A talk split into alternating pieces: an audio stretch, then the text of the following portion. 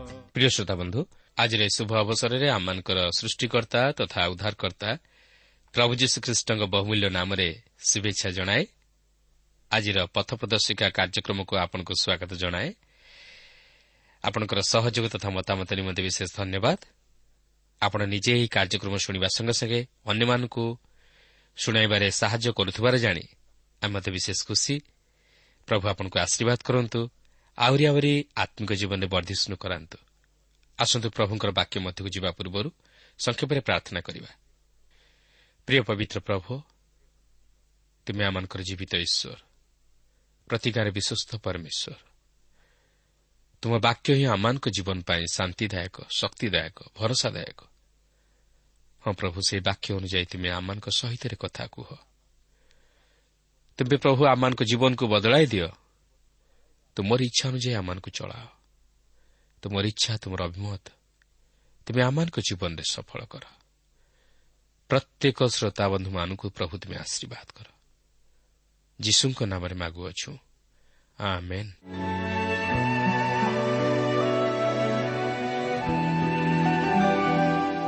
ଆସନ୍ତୁ ବର୍ତ୍ତମାନ ଆମେ ପ୍ରଭୁଙ୍କର ବାକ୍ୟ ମଧ୍ୟକୁ ଯିବା। ଆଜି ଆମେ ଦ୍ୱିତୀୟ ସାମିଲ ପୁସ୍ତକର ଏକୋଇଶ ପର୍ବର ପ୍ରଥମ ପଦରୁ ଆରମ୍ଭ କରି ବାଇଶ ପର୍ବର ତିନି ପଦ ପର୍ଯ୍ୟନ୍ତ ଅଧ୍ୟୟନ କରିବା ନିମନ୍ତେ ଯିବା।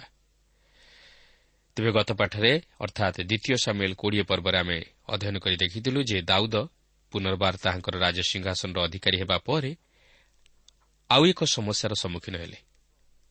କାରଣ ସେବ ଦାଉଦଙ୍କ ବିରୁଦ୍ଧରେ ବିଦ୍ରୋହ କରିବା ନିମନ୍ତେ ସମଗ୍ର ଇସ୍ରାଏଲ୍ ବଂଶକୁ ତାହାର ପକ୍ଷ କରିବାକୁ ଚାହିଁଥିଲା ମାତ୍ର ଦାଉଦ ତାହା ଜାଣିପାରି ତାହାକୁ ଧରିବା ନିମନ୍ତେ ତାହାଙ୍କର ସୈନ୍ୟବାହିନୀକୁ ପ୍ରେରଣ କରିଥିଲେ।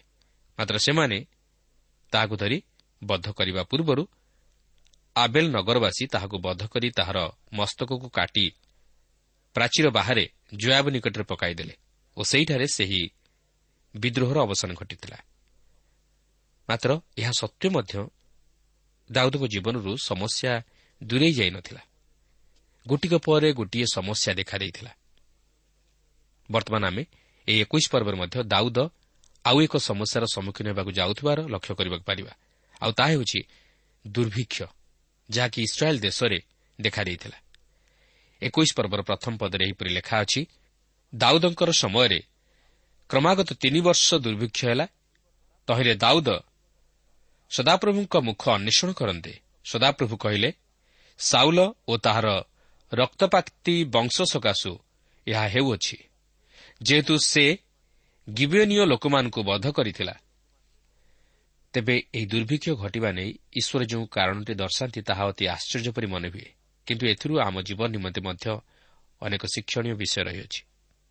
ଏଠାରେ ସଦାପ୍ରଭୁ କାରଣଟି ଦର୍ଶାନ୍ତି ଯେ ସାଉଲ ଓ ତାହାର ରକ୍ତପାତି ବଂଶ ସକାଶୁ ଏହା ହେଉଅଛି ଯେହେତୁ ସେ ଗିବିଓନୀୟ ଲୋକମାନଙ୍କୁ ବଧ କରିଥିଲା। ପବିତ୍ର ଧର୍ମଶାସ୍ତ୍ର ମଧ୍ୟରେ ଏହା ଏକ ଗୁରୁତ୍ୱପୂର୍ଣ୍ଣ ତଥା ଚମତ୍କାର ଅଂଶ। ଏହି ଘଟଣାଟିକୁ ବୁଝିବାକୁ ହେଲେ ଆମକୁ ଜିଓସିଓଙ୍କ ସମୟ ମଧ୍ୟକୁ ଫେରିଯିବାକୁ ହେବ ଯେତେବେଳେ କି ଗିବିଓନିଓମାନେ ଜିଓସିଓଙ୍କ ସହିତ ପ୍ରତାରଣା କଲେ ଓ ଜିଓସିଓ ମଧ୍ୟ ସେମାନଙ୍କ ଦ୍ୱାରା ପ୍ରତାରିତ ହୋଇ ସେମାନଙ୍କ ସହ ଏକ ନିୟମ କରିଥିଲେ ଯାହାକି ଜିଓସିଓ ପୁସ୍ତକର ନଅ ପର୍ବ ମଧ୍ୟରେ ଉଲ୍ଲେଖ ହୋଇଅଛି। କିନ୍ତୁ କୌଣସି ଲୋକ ସହିତ ନିୟମ ନ କରିବା ନିମନ୍ତେ ଇସ୍ରାଏଲ୍ ସନ୍ତାନଗଣକୁ ଈଶ୍ୱର ଆଦେଶ ଦେଇଥିଲେ। ମାତ୍ର ସେମାନେ ତାହା କଲେ। ଫଳତଃ ସେମାନଙ୍କ ଲାଗି ଅନ୍ୟମାନେ ମଧ୍ୟ ସମସ୍ୟାର ସମ୍ମୁଖୀନ ହେଲେ। ଜିଓସିଓ ଗିବେନିୟମାନଙ୍କୁ ହତ୍ୟା ନ କରିବା ନିମନ୍ତେ ସେମାନଙ୍କ ସହିତ ନିୟମ କରିଥିଲେ। ମାତ୍ର ସାଉଲ ସେହି ନିୟମକୁ ଲଙ୍ଘନ କରି ଗିବେନିୟମାନଙ୍କୁ ହତ୍ୟା କରିଥିଲେ। ମାତ୍ର ଈଶ୍ୱରଙ୍କ ଦୃଷ୍ଟିରେ ଏହା ଗ୍ରହଣଯୋଗ୍ୟ ନଥିଲା କାରଣ ଈଶ୍ୱର ମଧ୍ୟ ଚାହାନ୍ତି ଆମମାନଙ୍କର ହଁ କଥା ହଁ ହେଉ ଓ ନା କଥା ନା ହେଉ। ସେ ଇସ୍ରାଏଲିୟମାନଙ୍କୁ ଅନ୍ୟ କାହା ସହିତ ନିୟମ କରିବା ନିମନ୍ତେ ନିଷେଧ କରିଥିଲେ। ମାତ୍ର ସିଓ ସେପରି ନିୟମ କରିବାରୁ ସେ ଭୁଲ କରି ବସିଲେ। କିନ୍ତୁ ଯଦି ସେ ନିୟମ କଲେ ତାହେଲେ ତାହା ରକ୍ଷା କରିବାକୁ ଥିଲା। କିନ୍ତୁ ସାଉଲ ଏହି ନିୟମକୁ ଲଙ୍ଘନ କରିବାରୁ ଦେଶ ତିନି ବର୍ଷ ପର୍ଯ୍ୟନ୍ତ ଦୁର୍ଭିକ୍ଷର ସମ୍ମୁଖୀନ ହେଲା। କିନ୍ତୁ ଏଠାରେ ଏକ କୌତୁହଳର ବିଷୟ ଆପଣ ଲକ୍ଷ୍ୟ କରିବେ ଯେ ଈଶ୍ୱର ସାଉଲଙ୍କର ଏପରି କାର୍ଯ୍ୟକୁ ଭୁଲି ଯାଇନଥିଲେ ତାଛଡ଼ା ସାଉଲ ଇସ୍ରାଏଲ୍କୁ ଉପସ୍ଥାପିତ କରୁଥିଲେ। ସାଉଲ ଗିବିଓନିୟମାନଙ୍କୁ ବଦ୍ଧ କରି ଯେଉଁ ନିୟମ ଲଙ୍ଘନ କରିଥିଲେ ତାହା ମଧ୍ୟ ଈଶ୍ୱର ପସନ୍ଦ କରିନଥିଲେ। ଯେହେତୁ ଇସ୍ରାଏଲ୍ ଈଶ୍ୱରଙ୍କର ମନୋନୀତ ଜାତି ତେଣୁକରି ଈଶ୍ୱର ମଧ୍ୟ ଏହି ଅପରାଧ ନିମନ୍ତେ ସେମାନଙ୍କୁ ଛାଡ଼ି ଦେଇନଥିଲେ। ଈଶ୍ୱରଙ୍କର ବିଚାର ସ୍ୱରୂପେ ତିନି ବର୍ଷ ଧରି ସେମାନେ ଦୁର୍ଭିକ୍ଷର ସମ୍ମୁଖୀନ ହେଲେ। ଚିନ୍ତା କରିପାରୁଛନ୍ତି? ସେମାନେ କେଉଁପରି ସମସ୍ୟାର ମଧ୍ୟ ଦେଇ ଗତି କରିଥିବେ? ଗୋଟିଏ ବର୍ଷ ଦୁର୍ଭିକ୍ଷ ହୋଇଗଲେ ଦେଶରେ ହାହାକାର ପଡ଼ିଯାଏ।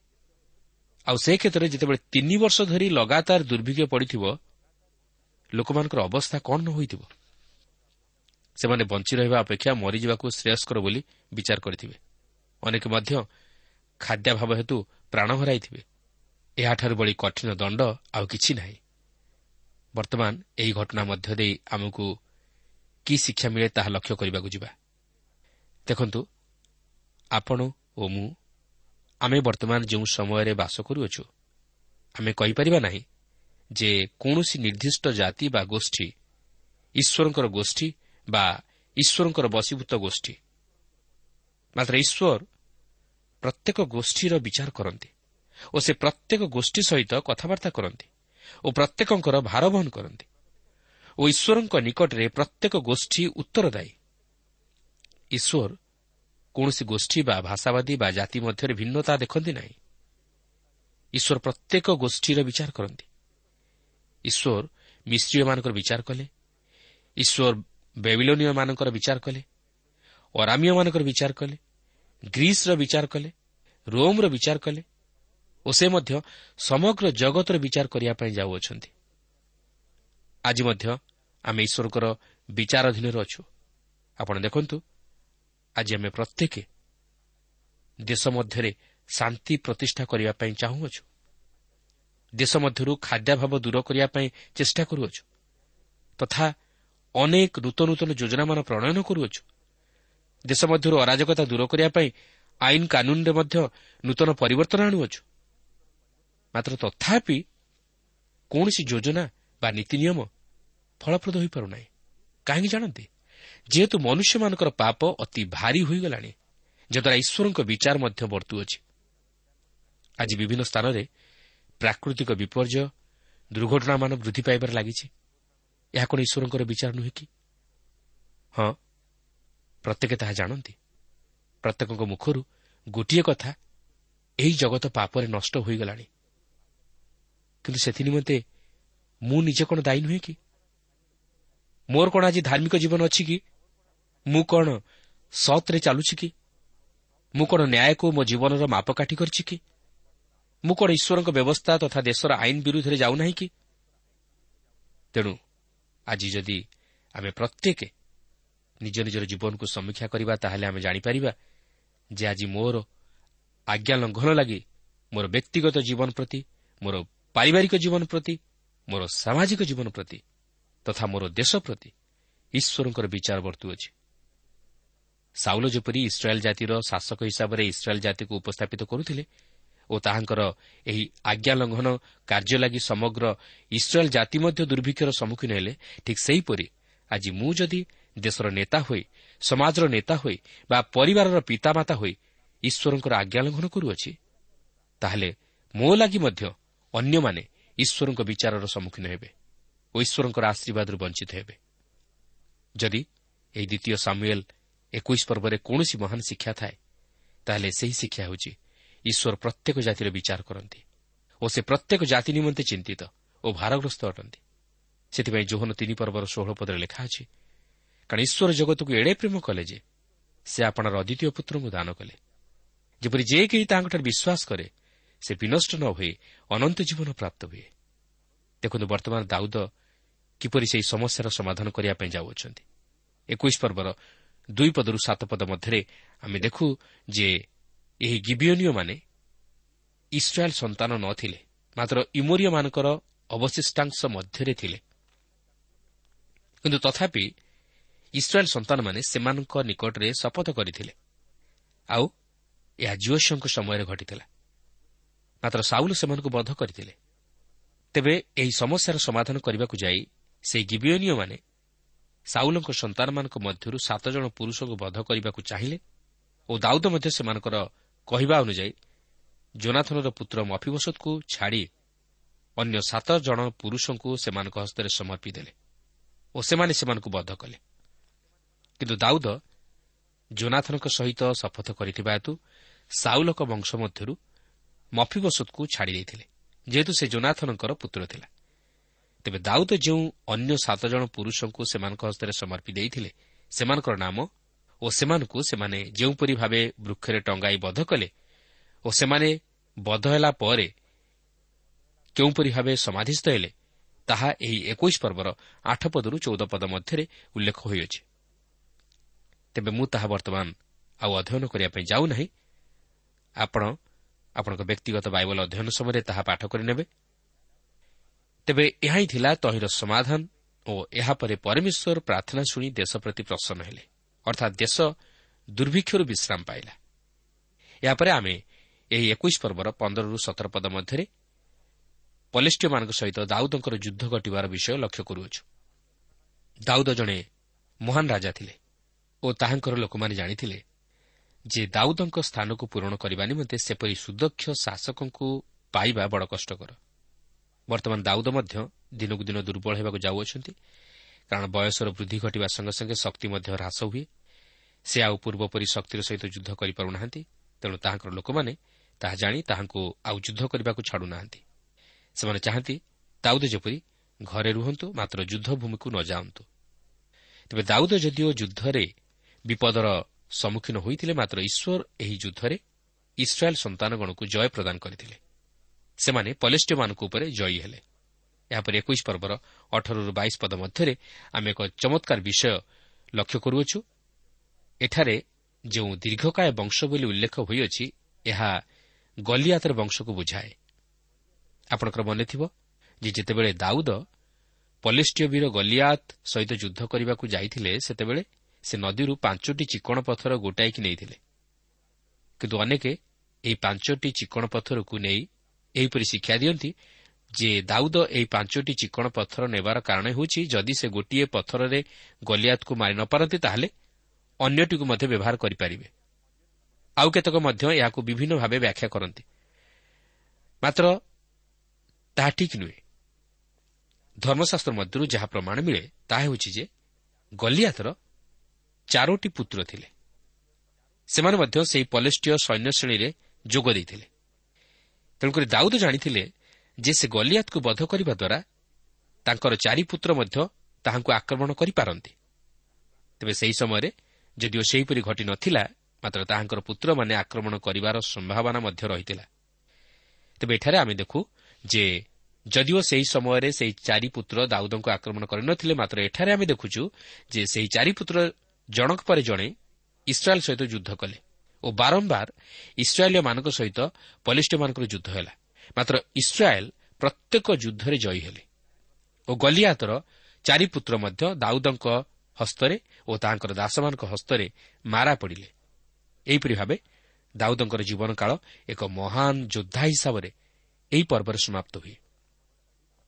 ଈଶ୍ୱର ଅତି ଚମତ୍କାର ଭାବେ ଦାଉଦଙ୍କୁ ତାଙ୍କ ଶତ୍ରୁମାନଙ୍କ ହସ୍ତରୁ ଉଦ୍ଧାର କଲେ।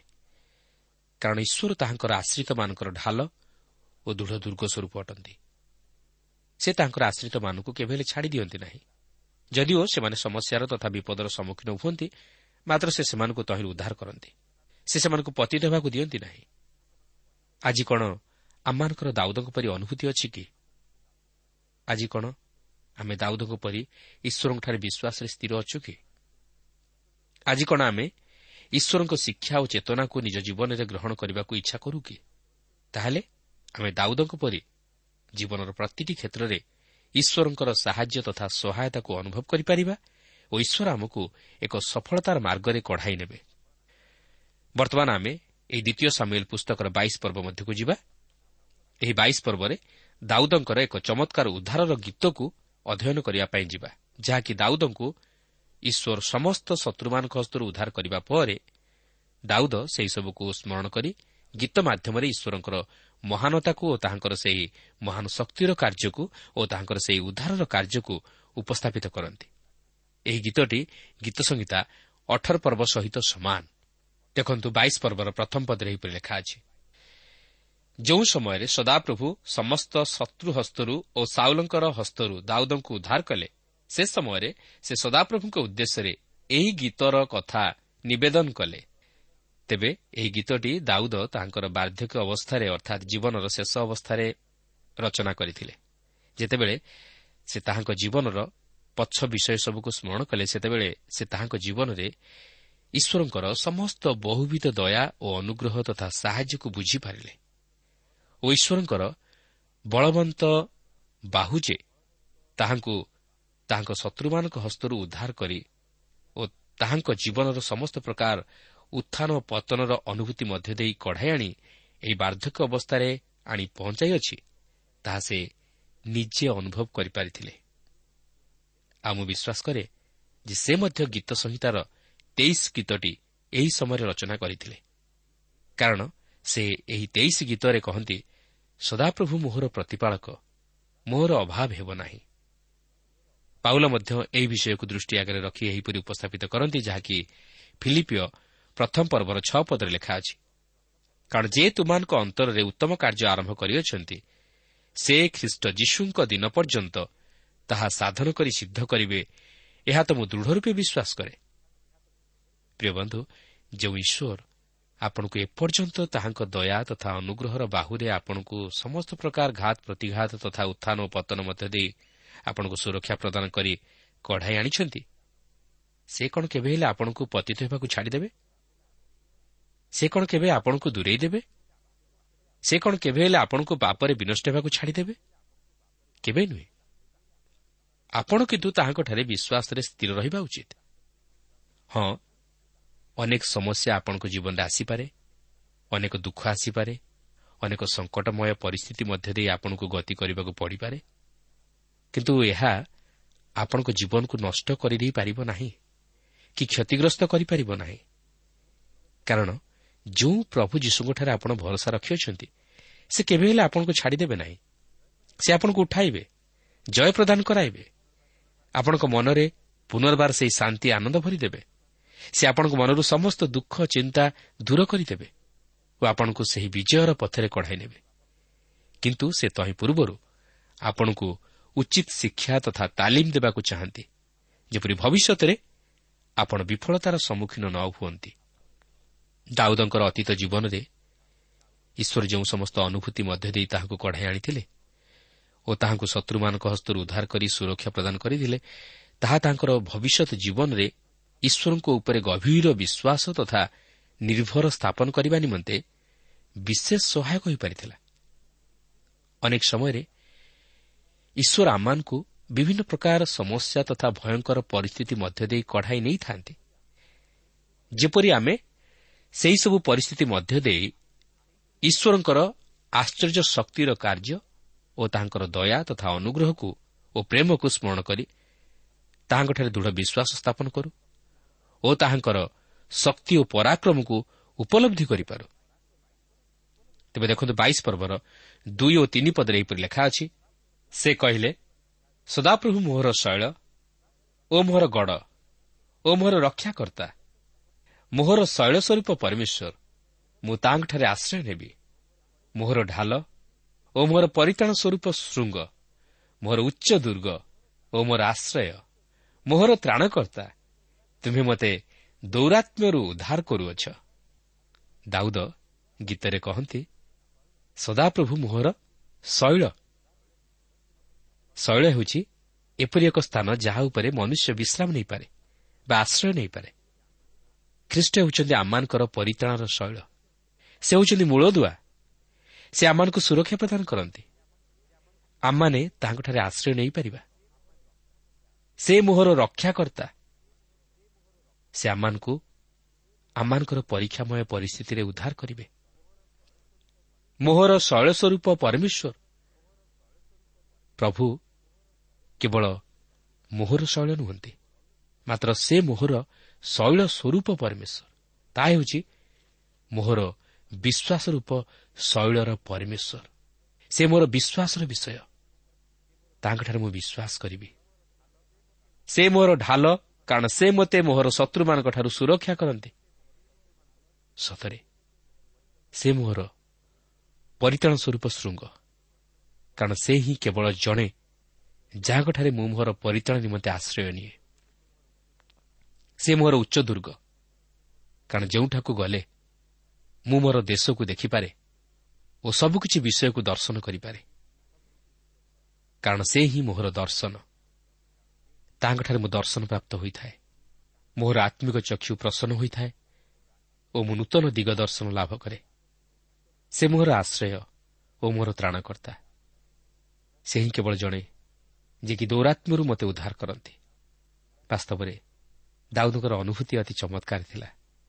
ଜୀବନର ପ୍ରତ୍ୟେକ ଅନୁଭୂତି ମଧ୍ୟ ଦେଇ ସେ ଈଶ୍ୱରଙ୍କର ଉପସ୍ଥିତି ସହାୟତା ତଥା ଶକ୍ତିର କାର୍ଯ୍ୟକୁ ଓ ଉଦ୍ଧାରର କାର୍ଯ୍ୟକୁ ଉପଲବ୍ଧି କରିପାରିଥିଲେ।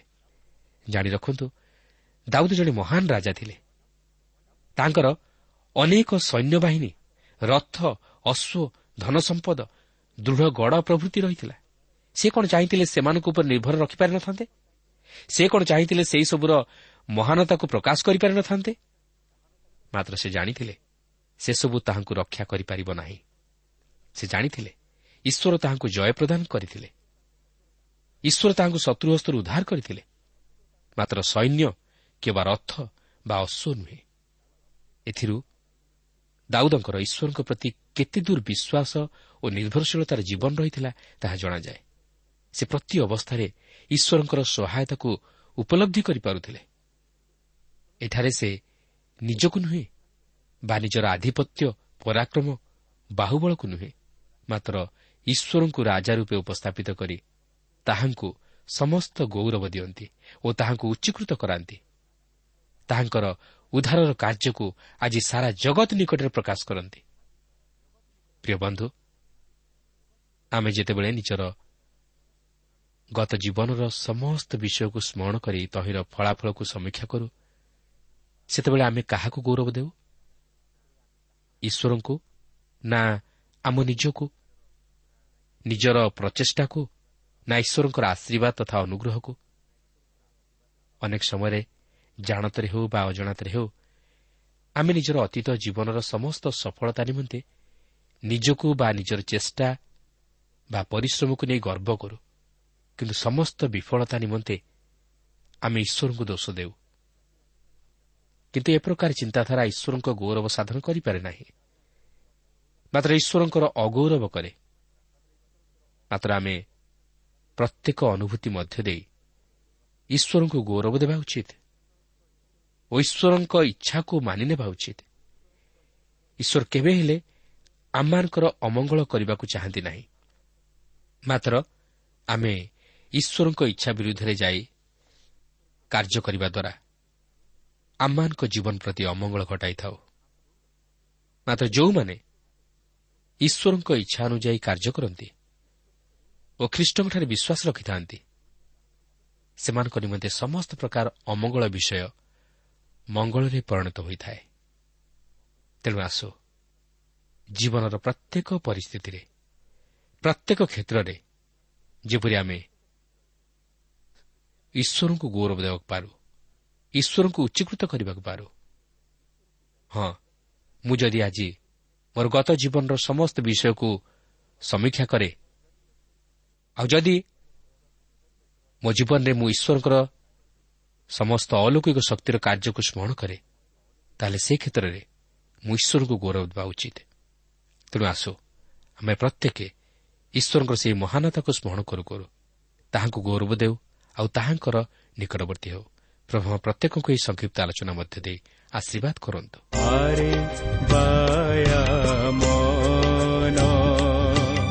ଶ୍ରୋତା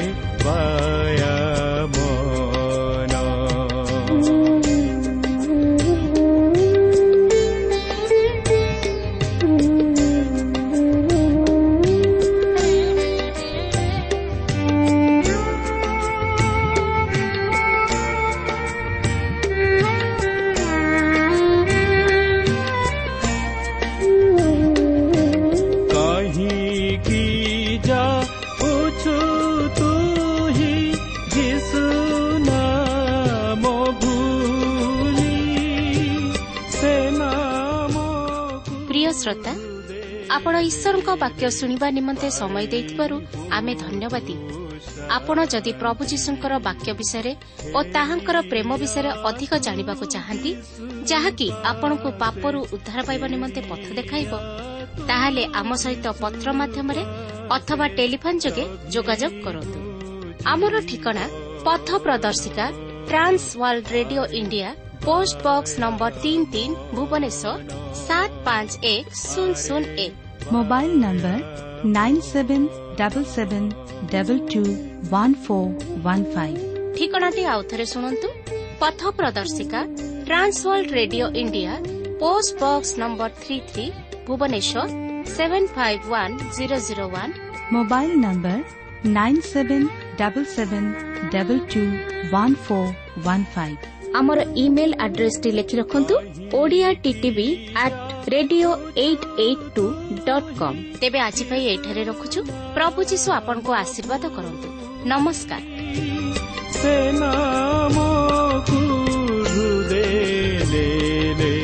ପାଇବୁ ତୁ ଶାନ୍ତି।